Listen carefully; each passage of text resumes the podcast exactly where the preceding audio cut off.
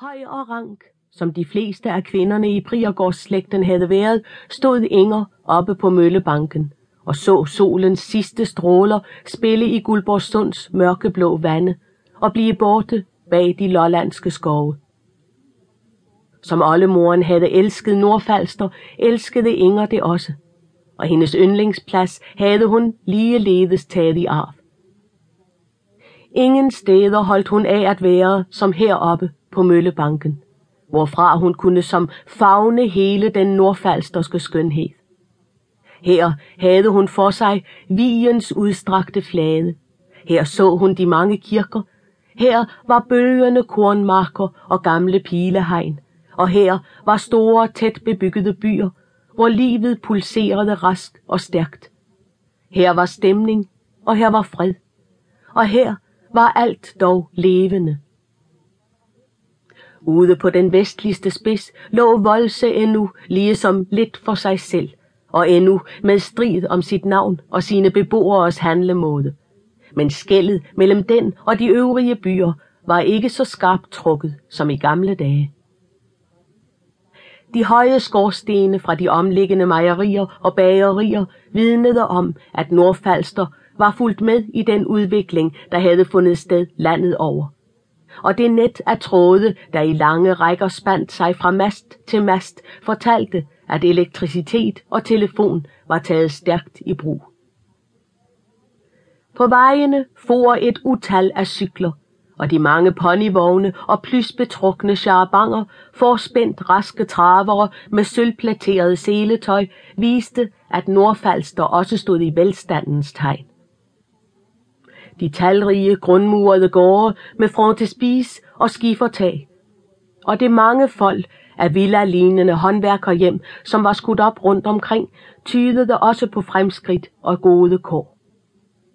Men i Ingers øjne var landskabets skønhed ikke derved øget.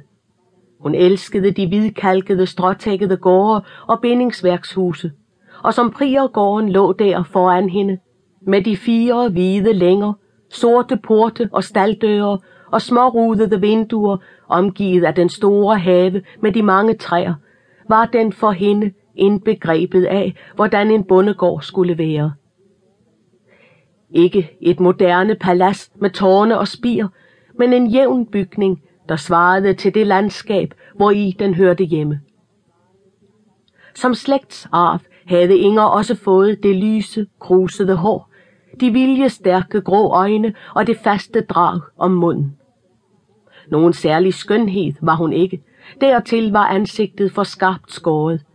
Men der var noget eget tiltrækkende og interessant ved hende, og hun var altid den første i de unges lag. Hvor hun kom, måtte de andre langt smukkere og rigere gårdmandsdøtre vige, og som den ubestridte dronning stod hun ved alle de nordfalsterske fester. Ingen kunne måle sig med hende i dans og gymnastik, og på cykel og skøjter var hun en mester, som kun få. I tætte skare flokkedes de unge kale om hende, hvor hun end mødte op, og til dem alle havde hun en vittig bemærkning, men hendes hjerte havde ingen af dem vundet. Kun som gode venner og mundre kammerater brød hun sig om dem, og som sådan ville hun gerne omgås hele flokken. Det var så fornøjeligt at tage en dyst med dem om et eller andet emne, og at ærte og drille dem på forskellig vis, gik hun aldrig af vejen for. Men uvenskab mellem dem kom der ikke. Hente det en gang imellem, at en blev lidt muggen, når hendes vid og lystige indfald gik lovlig meget ud over ham, fortog misstemningen sig dog hurtigt, og de blev atter venner som før. Som ved festerne var hun også den første ved arbejdet.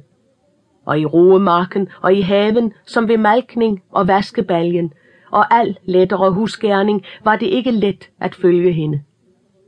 Begavet var hun også, og hun havde læst en hel del, men noget bestemt havde hun ikke kastet sig over.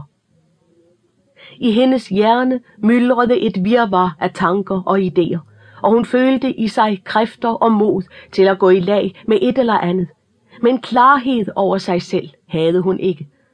Hun vidste blot, at hun ville ind i noget, der kunne fylde hendes liv, og hvor hun kunne gøre en indsats, som havde